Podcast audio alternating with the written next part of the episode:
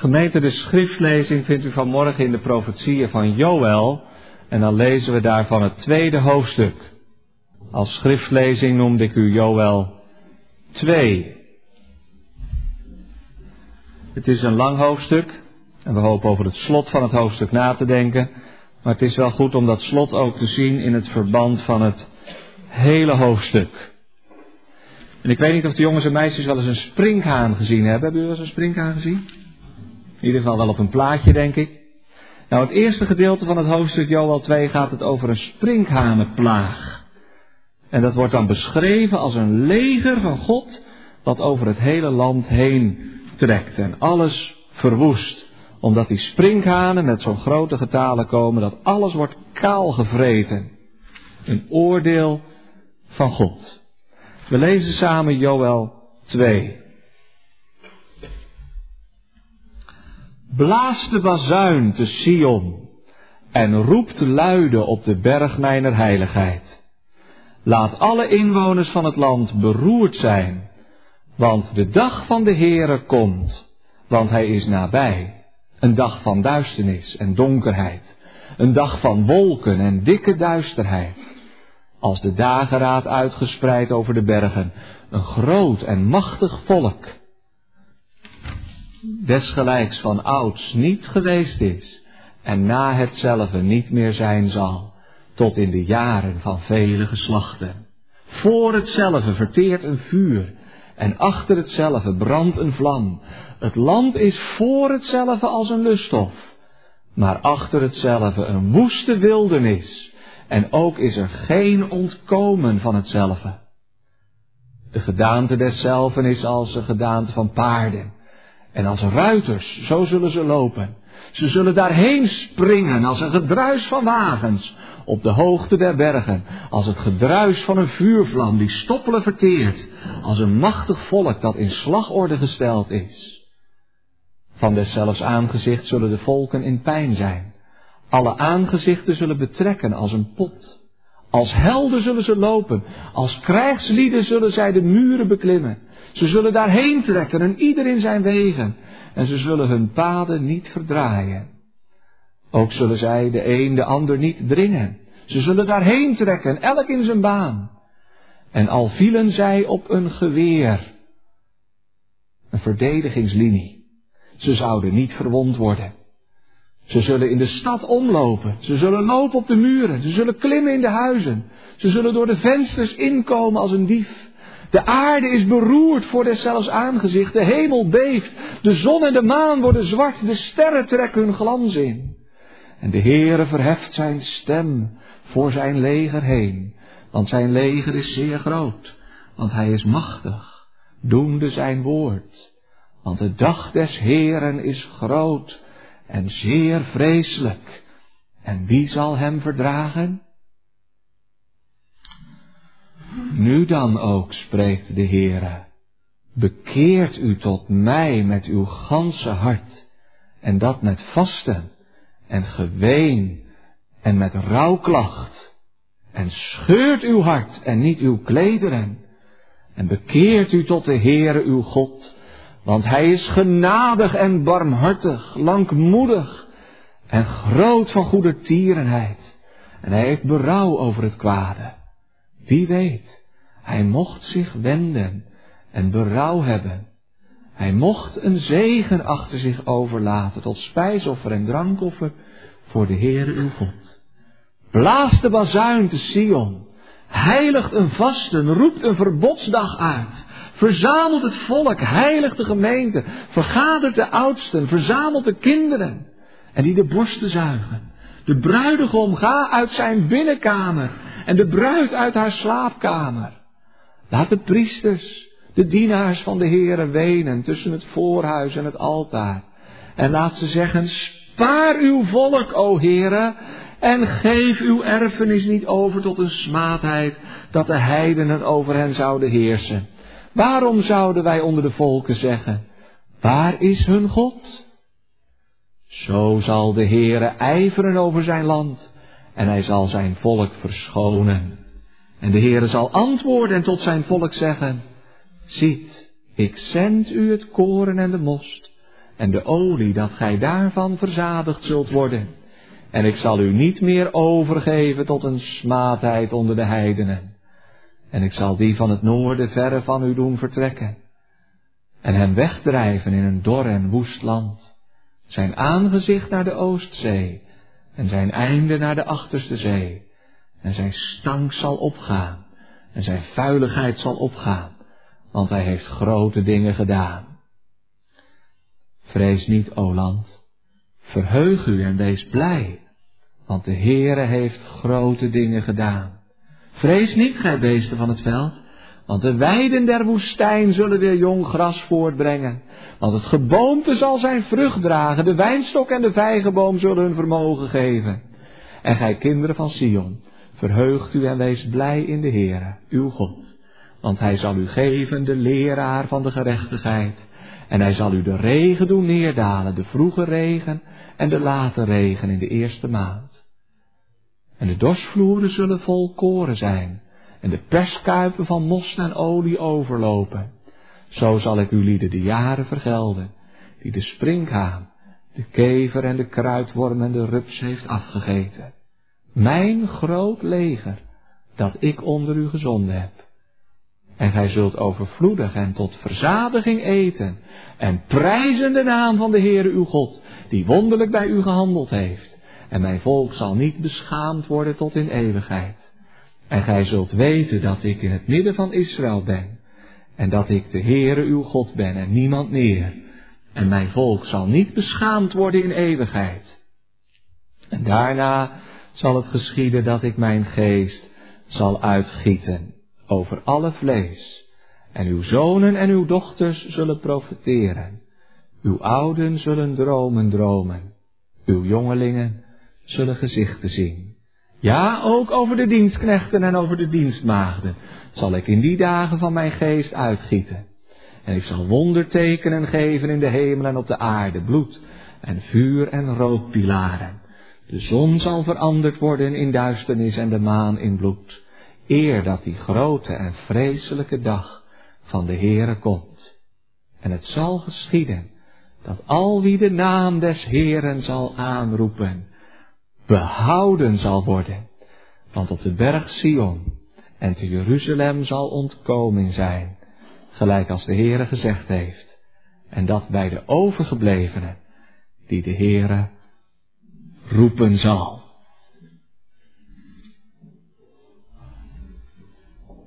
Gemeente, we zeggen zo onder elkaar, dromen zijn bedrog. En dat is maar goed ook, in veel gevallen, want als je droomt, en het is een nachtmerrie, of een akelige droom, dan schrik je soms wakker en dan ben je nog even in de toestand. Zo overkomt het mij, jullie misschien ook wel, dat je denkt, hè? Droom ik nou? Of is het nou wel of niet gebeurd? En dan word je van lieverlee wakker en denk je, oh gelukkig, hè, hè. Het was een droom. Want als je droomt, zo is dat bij mij en ik denk ook bij u, dan weet je niet dat je droomt. Dan is het net echt. jongens en meisjes, als je droomt, dan weet je niet dat je droomt. Dan is het net echt, dan zie je dingen die er niet zijn. Dromen zijn bedrog. Maar dan wordt er in de Bijbel, in dit hoofdstuk, en u weet wel dat Petrus dat ook aanhaalt op de Pinksterdag in zijn toespraak, ook gesproken over dromen en visioenen. En daar willen we het uitgangspunt nemen voor de prediking over dit hoofdstuk Joel 2. Vers 28 van Joel 2. En daarna zal het geschieden dat ik mijn geest zal uitgieten over alle vlees. En uw zonen en uw dochters zullen profeteren. En uw jongelingen zullen gezichten zien. Uw ouderen zullen dromen dromen. Uw jongelingen zullen gezichten zien. Meter voor vanmorgen heb ik vier vragen aan de hand waarvan ik de tekst en het hoofdstuk door zou willen lopen.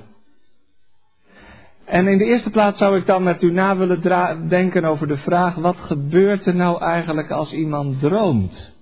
En dan bedoel ik dat natuurlijk niet psychologisch, in letterlijke zin, maar de dromen en visioenen die hier beschreven worden. Waar gaat het dan over? Wat gebeurt er dan? En dan de volgende vraag zou kunnen zijn, wat heb je dan eigenlijk gedroomd?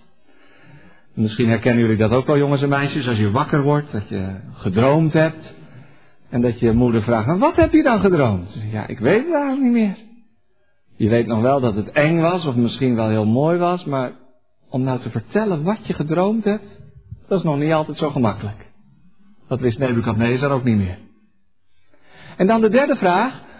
Dus de tweede vraag is de inhoud van de droom. En de derde vraag zou kunnen zijn, wat betekent nou die droom? Als daar hier over een droom gesproken wordt, wat gebeurt er dan? Wat is de inhoud van de droom en wat is de uitlegging daarvan? Nou ben ik geen Daniel of Jozef, maar ik denk dat we wel aan de hand van dit hoofdstuk en vooral de toepassing daarvan in het Nieuwe Testament daar het een en ander over zouden kunnen zeggen. En dan als laatste vraag, als toepassing zou je kunnen zeggen, wat doet het nou met je? Dat je gedroomd hebt. Wat verandert er daardoor? Want anders zouden we gemakkelijk in die droom, in die mooie droom kunnen blijven steken. Dat is niet de bedoeling. Het is de bedoeling dat door die droom, die goddelijke droom, alles in ons leven anders wordt. Nou, laten we maar beginnen bij de eerste vraag. Wat gebeurt er als iemand droomt? Moeten we dat in letterlijke zin opvatten? Als Petrus spreekt op de Pinksterdag, uw jongelingen zullen gezichten zien, uw ouderen zullen dromen dromen. Dat in de tijd van het Nieuwe Testament waarin wij nu leven, dat alle christenen door de Heilige Geest bijzondere openbaringen zullen krijgen. Dat God spreekt niet alleen door middel van de Bijbel, maar ook door visioenen en dromen. Er zijn wel christenen die dat op die manier uitleggen. Die vind je vooral in Pinkstergroepen, in de charismatische beweging, waar veel nadruk gelegd wordt op de bijzondere openbaring. God heeft mij dit of dat laten zien, zegt men dan. Is dat terecht?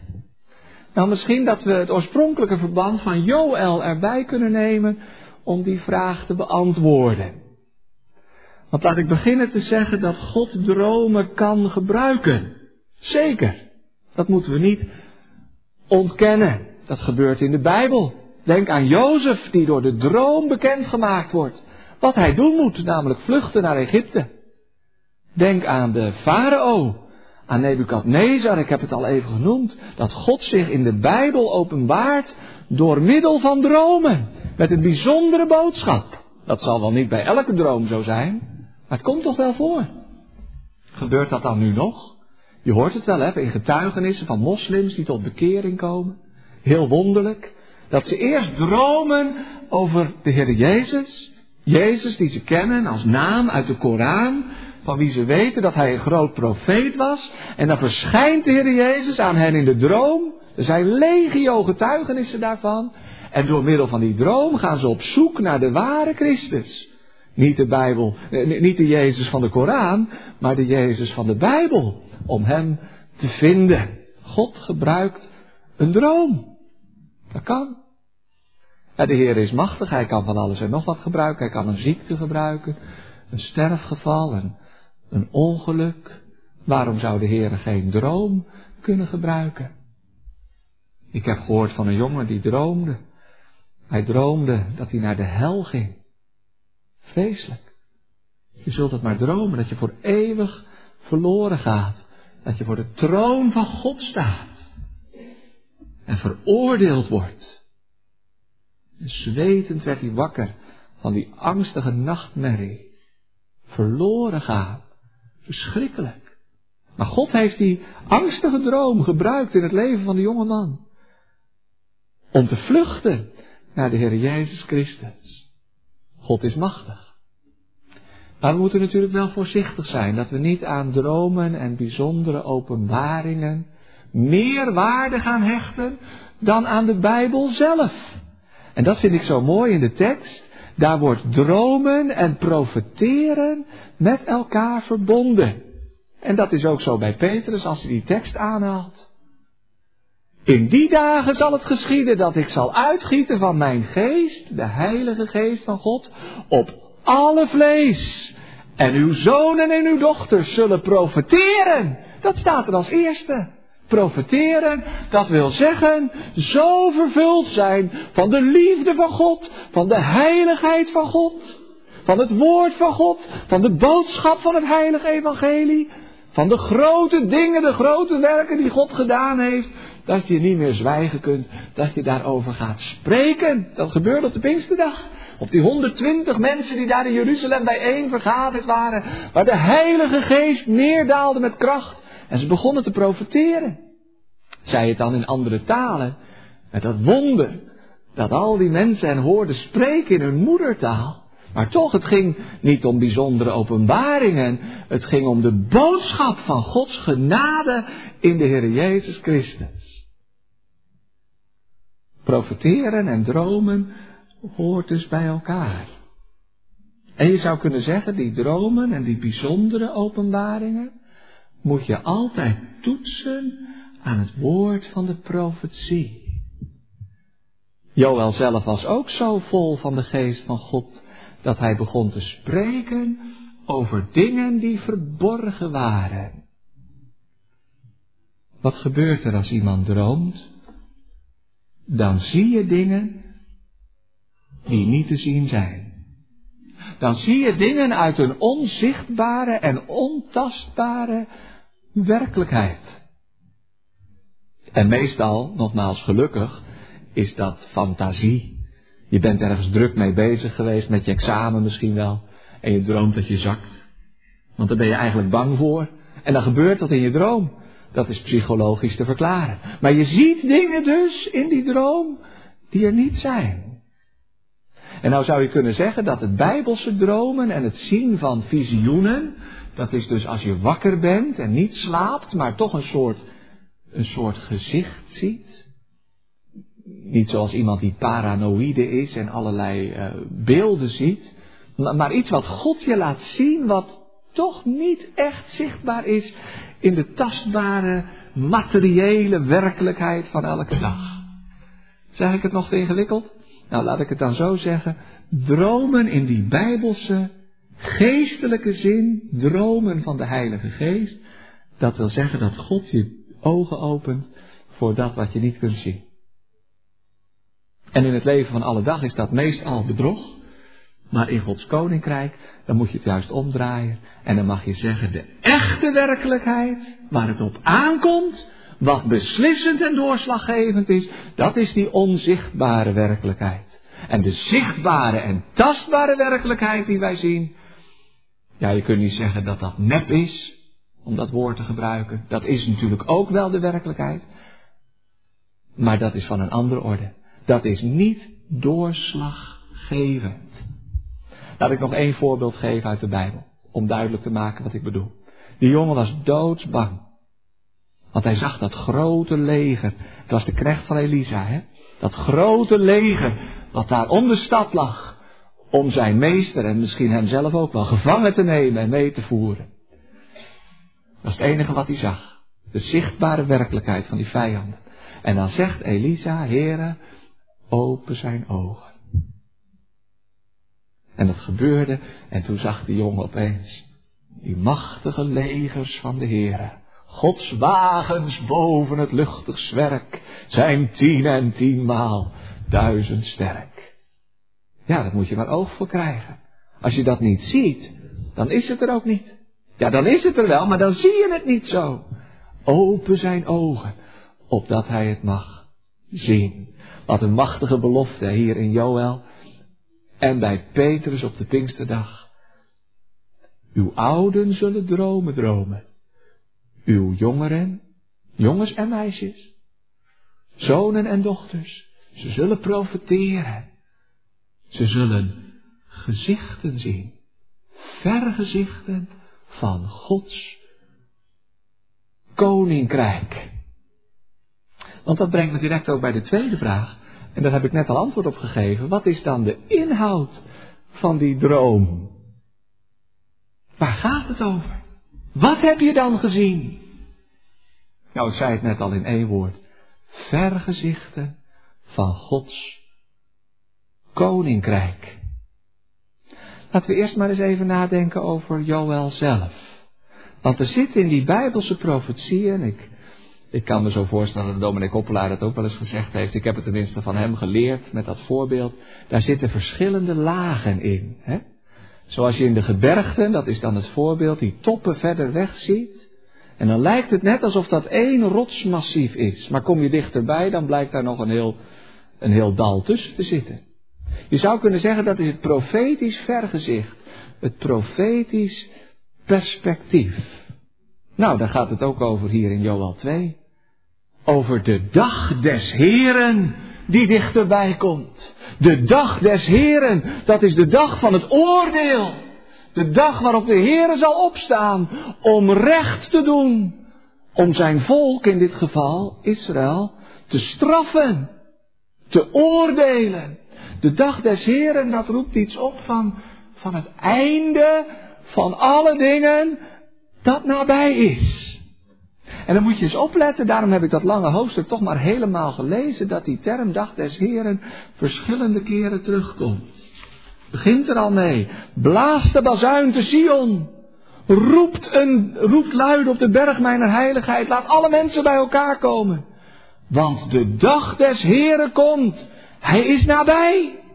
Het oordeel van God nadert. En wat is dat oordeel dan? En dan kom ik even weer terug op die bergtoppen die achter elkaar liggen. Dan beschrijft Joël de sprinkhanenplaag. We weten niet precies wanneer de profeet geleefd heeft. Is dat in de tijd geweest vlak voor de val van Jeruzalem? Dat zeggen de meeste uitleggers. En we weten ook niet uit andere bronnen wanneer deze verwoestende springhanenplaag heeft plaatsgevonden, maar dat het gebeurd is. En de manier waarop Joël dat beschrijft, dat is wel heel herkenbaar voor mensen die dat meegemaakt hebben. Zo'n enorme zwerm ongedierte die opeens met de wind meekomt, dat het een wolk lijkt. Ja, als die zwerm met sprinkhanen, en er wordt ook nog ander ongedierte hier genoemd, voor de zon schuift, dan wordt het net zo donker als met een enorme onweerswolk. Dat wij zeggen, het lijkt wel of het avond wordt, zo donker is het. En die sprinkhanen die bedekken het hele land. En er is geen middel om die sprinkhanen tegen te houden. Stuiten ze op een geweer, dat hebben we gelezen, op een, op een soort verdedigingslinie, ja, daar trekken die sprinkhanen zich niks van aan. Die springen er zo overheen. En ze kruipen overal in en, en voordat die sprinkhanenplaag, die zwerm met ongedierte langsgekomen is, leek de aarde wel op de Hof van Eden, op een lusthof. Maar als ze voorbij getrokken zijn, alles is kaal gevreten. Er is geen grassprietje, geen blaadje meer aan de boom. Geen korenhalm meer die recht overeind staat. Alles wat groen is. Het lijkt wel alsof er een enorme brand geweest is. Een verwoestend vuur wat alles doortrokken heeft. Alles is onvruchtbaar. Eén grote kale vlakte. En dan is er in één keer een hongersnood. Als er een hongersnood komt van de droogte, dan duurt dat natuurlijk lang. Voordat het zover is. Dan kun je nog een beetje interen op de voorraad. Maar zo'n verwoestende plaag van sprinkhanen, wat alles kaal vreet. Dan is er in één keer, en voor de dieren, en voor de mensen, niets meer over. Wat een ramp, een natuurramp, zouden wij zeggen. Maar Joel zegt, het is het leger van God vanwege de zonde van zijn volk. Ik zie, ik zie in een droom, in een visioen, een machtig leger aanrukken. Niet een leger van mensen, niet een leger van vijanden, maar een heerleger van God. De dag des Heren is nabij.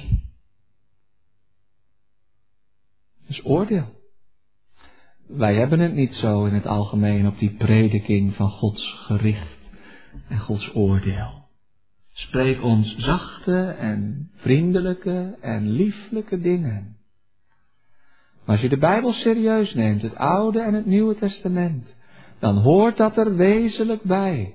Dat wij in de naam van de Heere verkondigen dat het oordeel een werkelijkheid is. Dat het oordeel over de zonde van een land en volk, maar ook van mensen in hun privéleven zeker is. Ja, dat hoort niet bij deze tastbare, zichtbare werkelijkheid. Dan denk je, ach ja, het zal wel meevallen. En zo leven de meeste mensen toch, zeker buiten de kerk, maar ook nog wel binnen de kerk. Ik doe toch mijn best. En eigenlijk zeggen ze daarmee, wat kan God nou eigenlijk nog meer van mij verwachten? Ik lees in de Bijbel en ik bid en ik ga naar de kerk. Ja, ik ben niet volmaakt, maar dat is toch niemand? De God mag eigenlijk wel blij en dankbaar zijn. Waren alle mensen nog maar zoals ik? Ja, dat ga je niet zeggen, want daar ben je te trots voor om dat te zeggen. Maar, maar zo leeft het wel diep in het hart van een ieder van ons. En dat oordeel, ja, dat staat zo ver bij je vandaan. Als je naar buiten kijkt en geniet van de mooie dingen, dat mag hoor. Gaven van God, daar mag je van genieten. Maar dan lijkt het alsof dat oordeel van God zo, ja, zo ver weg staat. Dat hebt u niet alleen, jullie niet alleen. Dat hebben wij allemaal ook als dominee. Heb je dat? Maar dan denk ik aan de woorden van apostel Paulus, Nieuw Testamentisch. Wij dan wetende de schrik des Heren, bewegen de mensen tot het geloof. Daar heb je het. Profetie. Dromen, dromen, gezichten zien. Dat is dat je ogen open gegaan zijn. Voor de realiteit. Dat je ervan doordrongen bent dat mensen als ze zich niet bekeren. En niet geloven in de Heer Jezus Christus. Of ze nou godsdienstig zijn of ongodsdienstig zijn. Dat ze een groot gevaar lopen. Om voor eeuwig om te komen. Dat ze niet voor God kunnen bestaan. Al denken ze dat al honderdduizend keer. Al zeggen ze het of al zeggen ze het niet. Maar dat ze niet voor God kunnen bestaan. Omdat God een heilig en rechtvaardig God is. Omdat zijn oordeel zeker is. De dag van de Heere komt. Die staat voor de deur. En wij bewegen de mensen tot het geloof. Omdat we de schrik des Heeren. De heiligheid en de majesteit van God gezien hebben. Dat hoort erbij. Bij dromen, dromen en visioenen zien visioenen van het koninkrijk. Dat wil zeggen, inzien en aankondigen dat het oordeel van God steeds dichterbij komt. Wat heb je gedroomd? Ik heb gedroomd van een verschrikkelijke plaag die over het hele land komen zal. Onafwendbaar. Joël, wat heb je gedroomd is dat alles wat je gedroomd hebt? Nee, hij heeft nog meer gedroomd. Vers 12. Nu dan spreekt de Heere, bekeert u tot mij met uw ganse hart, met vasten en geween en rouwklacht. Er is nog een weg. Dat oordeel wordt niet zomaar aangekondigd als een soort fatum, als een soort noodlot wat toch maar komen zal. Het zal wel zo hebben moeten wezen, zeggen wij dan. Dat is heidens denken het noodlot. Nee, dat oordeel en die dag van de Heere die komt, wordt aangekondigd. Waarom? Opdat we ons zouden bekeren tot de Heere. Scheurt uw hart en niet alleen uw klederen. Want het scheuren van je kleed is niet genoeg. Het gaat om het innerlijk werk van de Heilige Geest, om berouw, bekering, verootmoediging. Voor de heiligheid en de heerlijkheid van God. Erken toch dat je gezondigd hebt. Want als je erkent dat je tegen God gezondigd hebt, Hij is barmhartig en genadig, zegt de profeet Joël. Zijn naam betekent trouwens Joël. De Heere is God. Misschien was het letterlijk zijn naam, dat weten we niet helemaal zeker. Misschien was het een soort pseudoniem, zoals wij dat zouden zeggen. Maar de betekenis van die naam is veelzeggend. Hè? De Heere, de God van het verbond. Yahweh. Hij is God. De God van het oordeel van het gericht. De God die oproept tot bekering en verootmoediging. Wie je ook bent, mannen, vrouwen, kinderen, de bruid en de bruidegom, de priesters van de Heer. Het hele volk wordt opgeroepen om zich voor God te verootmoedigen. En als het volk dat zal doen, dan zal God het oordeel wat komt van zijn volk afwenden en dat oordeel overdragen op de heidenen die nu het volk van Israël benauwen en bestraffen. Lees maar in vers 19. En de Heere zal, zal antwoorden en tot zijn volk zeggen, ziet, ik zend u het koren en de most en de olie, dat je daarvan verzadigd mag worden. En dat volk van het noorden in vers 20, dat zal vertrekken. En God zal hen wegdrijven in een dor en woest land. Vrees niet, o land. Vrees niet, beesten van het veld. Want er komt na dat verwoestende oordeel van God een tijd van vruchtbaarheid. Een tijd van voorspoed. Een tijd van zegen. De dag des Heren komt. De dag des Heren, dat is de sprinkhanenplaag. Maar de dag des Heren, dat is ook in die volgende bergketen. De dag van het oordeel van God over de andere volken. Dan kun je denken aan het volk van Babel, waar Israël straks in ballingschap zal zijn. Al zegt de profeet Joel dat niet met zoveel woorden. Toch slaat het daar natuurlijk wel op het volk van het noorden wat verdreven zal worden. En nadat het volk van het noorden verdreven wordt, dan zal er een tijd zijn van vruchtbaarheid, van regen, waarin het land van Israël weer zal vloeien van melk en honing. Vers 26, en gij zult overvloedig en tot verzadiging eten. En de naam van de Heere uw God prijzen, die wonderlijk bij u gehandeld heeft. Zie je de verschillende lagen in de tekst? En dan gaat het er me niet om om dat tot in detail, punt voor punt uit te werken in de preek. Maar het ging om de inhoud van die droom. De droom van het koninkrijk van God. Het naderend oordeel. Maar ook de overvloedige zegen die de Heere zal geven. Na de ballingschap. En dan staat in vers 28 de tekst. En daarna zal het geschieden dat ik mijn geest zal uitgieten over alle vlees. En dan ziet Joël de profeet. Al weet hij zelf denk ik toch niet precies hoe dat allemaal in vervulling zal gaan. Hij ziet dingen die niet tot de zichtbare werkelijkheid behoren. Hij ziet het naderende oordeel. Hij ziet de genade van God in de weg van geloof en bekering van het volk waar hij toe oproept. Hij ziet zelfs de Pinksterdag in de verte al aankomen dat God van zijn geest zal uitgieten op alle vlees. Dat brengt me bij de derde vraag.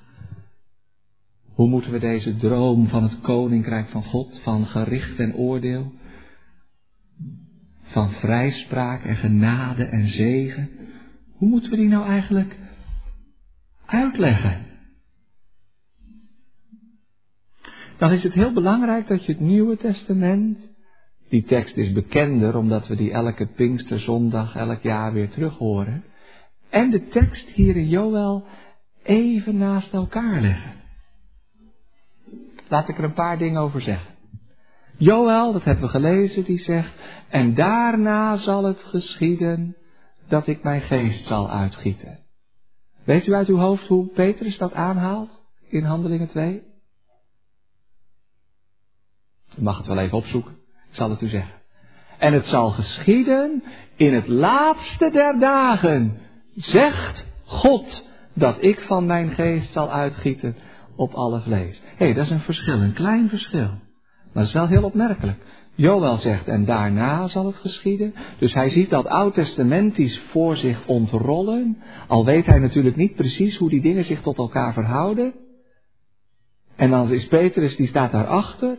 Of die wordt op dat moment vervuld met de Heilige Geest. En hij zegt, weet je wat dat betekent? We zijn niet dronken hoor mensen, we zijn niet dronken. Maar dit is wat gesproken is door de profeet Joël. Die oud-testamentische profetie, die gaat nu in vervulling. En dat betekent dat wij in allerlei tongen spreken. Dat het vuur op ons is neergedaald. Dat jullie dat geluid van die wind gehoord hebben. Weet je wat dat betekent? Dat betekent dat de eindtijd is aangebroken. En het zal geschieden in het laatste der dagen. Spreekt God dat wat Joël heeft gezien, dat is nu aangebroken. Dat is nu begonnen. De profetieën van het koninkrijk van God. Dat koninkrijk van God, dat is nu. Dat begint nu. Dat is in de Heer Jezus Christus. werkelijkheid geworden. Wat heb je gedroomd? Heb je wel gedroomd van het koninkrijk van God? Zijn je ogen al open gegaan voor die andere werkelijkheid, die onzichtbaar is en ontastbaar, maar die toch echt doorslaggevend is voor de wereldgeschiedenis en voor je persoonlijk leven? En weet je dan wat die droom betekent? Die droom van het koninkrijk van God betekent dat nu, in de periode waarin wij leven, tussen Pinksteren en de wederkomst van de Heer Jezus Christus, dat nu in vervulling gaat wat profeet Joël gesproken heeft. Dat de Heilige Geest van God wordt uitgestort op alle vlees. Nee, dat is ook een verschil. In het Oude Testament waren het koningen en de profeten en de priesters. Een enkele uitzondering onder het volk. Denk aan Mozes. Een enkeling die vervuld werd met de Heilige Geest. Die de ogen geopend werd. Wie de stem van God tot het volk mocht zijn. Om die onzichtbare dingen te verkondigen. Maar nu, in het laatste der dagen, is dat niet meer voorbehouden aan een enkeling, aan een koning, aan een priester, aan een profeet. Maar alle vlees. Jongens en meisjes. Geen generatiekloof meer, ouderen en jongeren. Ze zullen allemaal daar iets van meekrijgen. Een tik van meekrijgen, zouden wij zeggen. Een tik van de Heilige Geest. Ik bedoel het niet oneerbiedig. Maar dan begrijpen ook de jongeren wat ik daarmee bedoel. Dat al degenen die in de Jezus Christus geloven, hun ogen worden geopend. En de Heilige Geest begint ook in hen en door hen te spreken. Op, op alle vlees. Dat is een teken van de, van de eindtijd. En dan hebben we wel een beetje een probleem, want dan zeggen wij dat duurt toch zo lang al, hè? Leven wij dan in de eindtijd? Ja, 2000 jaar al leven we in de eindtijd. In zekere zin. Er is natuurlijk veel meer over te zeggen. Over de profetieën van het einde, over het volk Israël. Over de zending die tot aan de uiterste einde van de aarde verkondigd moet worden. Evangelie van het koninkrijk. Maar in zekere zin leven we nu al in dat laatste stukje van de wereldgeschiedenis. Want God rekent niet met eeuwen en jaartallen, maar God rekent met heilsfeiten. En het laatste heilsfeit was Pinksteren. En het volgende heilsfeit, dat zal de grote dag des Heren zijn, waarin de Heer Jezus Christus zal komen en zichzelf zal openbaren aan Israël en de volken. De dag des Heren komt. Hij is nabij. Het staat voor de deur. Dat is de verkondiging die de kerk van de Heer Jezus Christus door de Heilige Geest geleid en vervuld de eeuwen door centraal gesteld heeft. Verkondigen het koninkrijk van God. Dat is de betekenis van die droom. Het laatste der dagen is aangebroken. Is er nog meer verschil tussen Joël en Handelingen 2? Het is heel opmerkelijk dat Petrus, naar de Griekse vertaling van het Oude Testament, dat hij zegt, en op mijn dienstknechten en op mijn dienstmaagden zal ik van mijn geest uitstorten. En wat staat er hier in de tekst? In vers 28. In vers 29. Ja, ook over de dienstknechten en over de dienstmaagden zal ik mijn geest uitgieten. Ik zeg, nou, dat is toch maar een klein verschil. Jawel, denk er eens over na. Wat bedoelt Joël de profeet? Hij wil zeggen dat over het hele volk, jong en oud, jongens en meisjes, zonen en dochters, die geest van God uitgegoten zal worden. Zelfs over de slaven en de slavinnen. Dienstknechten, dienstmaagden. Mensen die geen vrijheid hebben, geen eigen bankrekening zouden wij zeggen. Maar zelfs over de minste van het volk zal Gods geest uitgegoten worden. Het lijkt een beetje op wat, uh, wat, wat Mozes zegt. Hè? Als er twee mensen profiteren in het leger van die zeventig oudsten die aangesteld waren. Twee waren niet eens opkomen dagen. Die dachten nou we zien wel. Maar de geest van God daalt op hen neer. En ze profiteren in het legerkamp. En Jozua zegt, meester, tegen Mozes, laat ze ermee stoppen, laat ze ermee ophouden. Profiteren, dat wil zeggen dat ze in allerlei Misschien wel onverstaanbare klanken, een soort tongentaal. God loven en prijzen. En dan zegt Mozes, och, dat al het volk des Heren profeten waren. Zelfs de dienstmeisjes, zelfs de dienstknechten zullen uiteindelijk, zegt Joël, delen in de gaven van de geest. En dan zie ik Petrus daar staan op de Pinksterdag. Een eenvoudige jongen, een eenvoudige visser. Hij had niet gestudeerd. Hij was een van de minste van het volk. Hij kon niet eens beschaafd Judees spreken. Ze hoorden aan zijn taal, aan het dialect dat hij uit het noorden kwam. Maar hij staat daar zo vrijmoedig op die Pinksterdag. En hij zegt, Joel heeft al gezegd, op mijn, dien, op, op mijn dienstknechten en mijn dienstmaagden zal ik van mijn geest uitstorten. Hij wil als het ware zeggen, ik behoor de Heer Jezus toe. Hij heeft mij gekocht en betaald met zijn dierbaar bloed. Niet de slaven en de slavinnen in algemene zin, maar de slaven en slavinnen van de Heer Jezus Christus, die met lichaam en ziel in leven en sterven zijn eigendom mogen zijn. Wat betekent die droom? De eindtijd is aangebroken. Het evangelie van het koninkrijk is niet alleen meer voor Israël, maar voor alle vlees. Misschien heeft Joël toch nog beperkt gedacht en met alle vlees gedacht aan het hele volk. Zo wordt het vaak wel uitgelegd. Maar als Petrus daar die mensen voor zich ziet en hoort dat het evangelie verkondigd wordt in alle talen, Parters en Medes en Elamieten, dan ziet hij dat Gods bedoeling nog veel wijdser is dan dat Joël zich ooit zou hebben kunnen voorstellen. En dat aan alle volken, naar het woord van de Heer Jezus, dat evangelie van het koninkrijk verkondigd moet worden. In dat machtige werk van de Heilige Geest. Koninkrijk komt. Datzelfde evangelie van oordeel en genade. Diezelfde oproep. Bekeert u dan tot de Heer uw God en scheurt uw hart en niet uw klederen. Niet alleen uw klederen in ieder geval. Met vasten, met geween, met rouwklacht. Want de Heer is een barmhartig en genade God. Datzelfde evangelie van wet en evangelie, zonde en genade, gericht en oordeel en vrijspraak door de vergevende liefde van God in Christus. Dat moet verkondigd worden aan alle vlees. Die droom, dat visioen van het koninkrijk, strekt zich veel wijdser uit dan Joël zich ooit had kunnen voorstellen. De grenzen worden doorbroken. En de naam van de Heer Jezus Christus wordt verkondigd aan alle volken en mensen. En het zal geschieden dat al wie de naam des Heeren zal aanroepen, zalig zal worden. En dan staat hier in Joel, dat is het derde kleine verschil met Handelingen 2. Heren met hoofdletters. De oud-testamentische naam des Heren. Yahweh. Maar in het Nieuwe Testament staat geen Heren met hoofdletters. Daar staat Curios. En dan blijkt uit het verband van Handelingen 2 dat Petrus vooral denkt aan de naam van de Heer Jezus.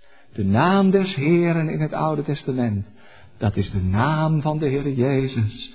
Die in een volle openbaring is. Van de Hemelse Vader van de verbondsgod van het volk Israël. En het zal geschieden dat een ieder die de naam des Heren zal aanroepen, behouden zal worden. Er zal op de berg Sion en in Jeruzalem ontkoming zijn. Er is verlossing, er is redding. Scheurt uw hart en niet uw klederen. Want jullie hebben de Heer Jezus Christus gekruisigd, zegt Petrus tegen de schare die daar bijeen vergaderd is. Scheurt uw hart en niet uw klederen. Maar er is genade en redding voor een ieder die de naam des Heren aanroept. Voor een ieder die gelooft in de Heer Jezus Christus. En dat brengt me bij de laatste vraag. We hebben gezien dat dromen is dingen zien die er niet zijn. Of laat ik het anders zeggen, dingen zien die er juist wel zijn maar die er niet zijn in de zichtbare en tastbare werkelijkheid. Dat je ogen geopend worden door de Heilige Geest van God. Dat de inhoud van die droom altijd gerelateerd is aan de komst van het koninkrijk van God. De dag des Heren is nabij. Dat we dat nieuwtestamentisch mogen uitleggen. In die zin dat de eindtijd is aangebroken en dat het evangelie van Gods genade aan Israël en alle volken verkondigd moet worden totdat Hij komt.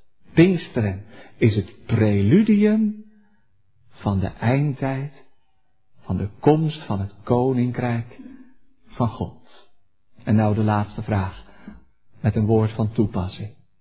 Wat betekent dat nou, die droom? Ja, nee, niet wat betekent de inhoud, maar wat betekent het voor u, voor jou? Wat doe je er nou mee?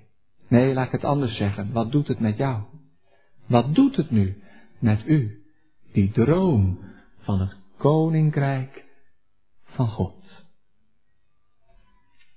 Er was een vrouw in Wales in de opwekking. En ze worstelde erg met de vraag, ben ik nou echt een kind van God?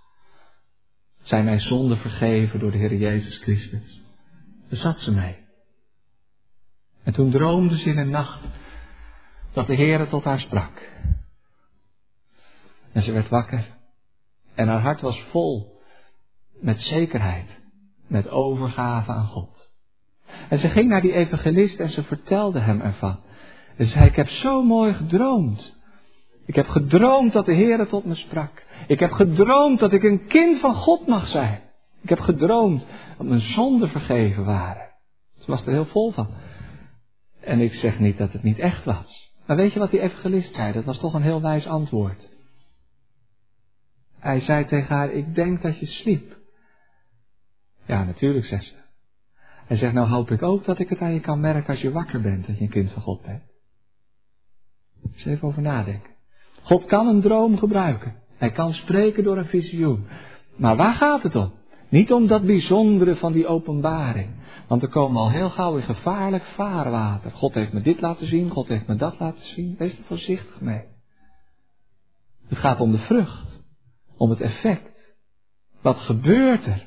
Aan de vruchten kent men de boom. Niet de droom op zichzelf is zaligmakend. Zelfs niet de droom van het koninkrijk gods. Daar kun je zo mee bezig zijn. En toch nog dezelfde blijven. Een oude mens. Een zondig mens. Een onbekeerd mens. Met veel interesse voor deze dingen. Nee, het gaat om de vrucht. Dat ons hele leven door die droom van Gods koninkrijk verandert. Vernieuwd wordt. Hoe werkt dat dan? Nou, heel eenvoudig. Als je ogen open gaan voor datgene wat zich achter de gordijnen van God plaats bevindt, wat daar plaats grijpt, dan kijk je anders naar de wereld om je heen. Dat is het eerste wat ik zou willen zeggen. Laat ik drie dingen noemen vanmorgen. Het eerste is dat die geopende ogen voor Gods realiteit betekenen dat je de wereld anders inschat. Je geld, je goed, je carrière, mijn huis, mijn auto, mijn kinderen. Nee, is niet meer zo. Heren, uw koninkrijk komen. Het is alles van u. Mag ik dan door genade een dienstknecht, een dienstmaagd, een slaaf of slavin van de Heer Jezus zijn? Niet ik, niet ik. En dat is een voortdurend proces van afsterven aan jezelf, aan dat eigen trotse dwarse ik. Niet ik, niet ik, maar alles wat ik heb en alles wat ik ben en alles wat ik doe, Heere, het is van u. Het is al het wettig eigendom des Heeren. Niet deze wereld, want de wereld gaat voorbij met al haar begeerlijkheid. Maar het koninkrijk van God. En ik zag en ziet een nieuwe hemel en een nieuwe aarde waarop gerechtigheid wonen zal. Dat dat alles beslissen en alles bepalend is voor je leven. En dan komt die tweestrijd, ik heb er zo last van. Dat je nog zo vast zit aan de dingen van deze wereld. Dat je nog zo kunt opgaan in de dingen die voorbij gaan. Dan zeg je, heren, laat mij meer een kind van u zijn, een burger van dat hemelse koninkrijk, een vreemdeling op de aarde. Dat is één. Is er nog meer? Ja, vooral de houding tegenover je naaste verandert. Want je ziet die mensen niet meer als potentiële vrienden of vijanden. Maar je ziet die mensen om je heen als pelgrims op reis naar de troon van God. Je ogen gaan ervoor open en je ziet, je ziet massa's mensen, duizenden, miljoenen, op reis naar de rechterstoel van Christus. En dan komt er een verlangen in je hart. Bij de ene zus, bij de andere zo. Soms sterk, soms meer verzwakt.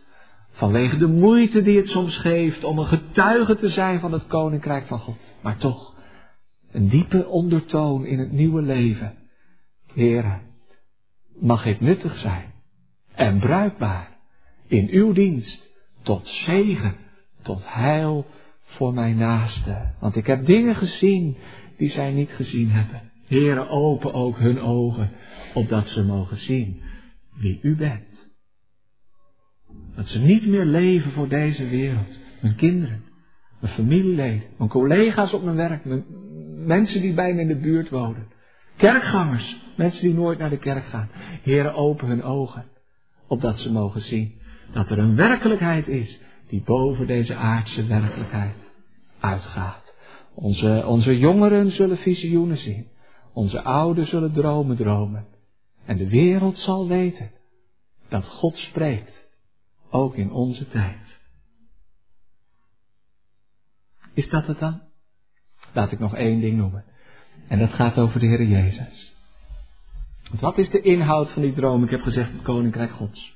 Oordeel en genade. Berouw en bekering. Wat is de inhoud van dat visioen?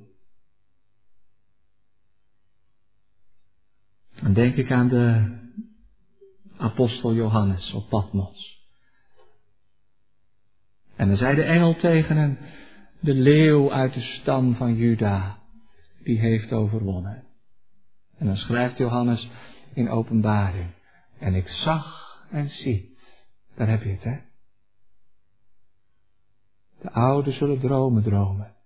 Johannes op Patmos.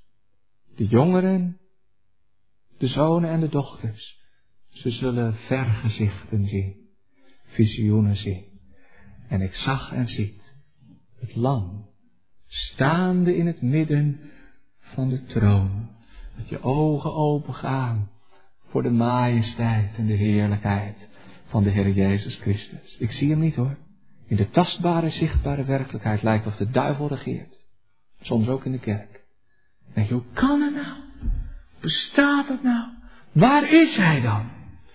En ik zag en ziet het lam van God, staande als geslacht in het midden van de troon. De Heere regeert. De Heere regeert. En het is de heerlijkheid van Koning Jezus. De majesteit van het Lam van God. Dat de zonde der wereld wegneemt. Die het hart vervult met een onuitsprekelijke en heerlijke vreugde. Dat kun je niet berekenen. Het is tegen je gevoel en tegen de werkelijkheid in. Maar het is toch waar. Hij regeert. En zijn naam moet eeuwig eer ontvangen. Wat doet die droom met je? Wat verandert er in je leven? Dan komt de Jezus in het middelpunt te staan. En dan gaat het in alles, in alles, om Hem, om Zijn naam, om Zijn eer. Amen.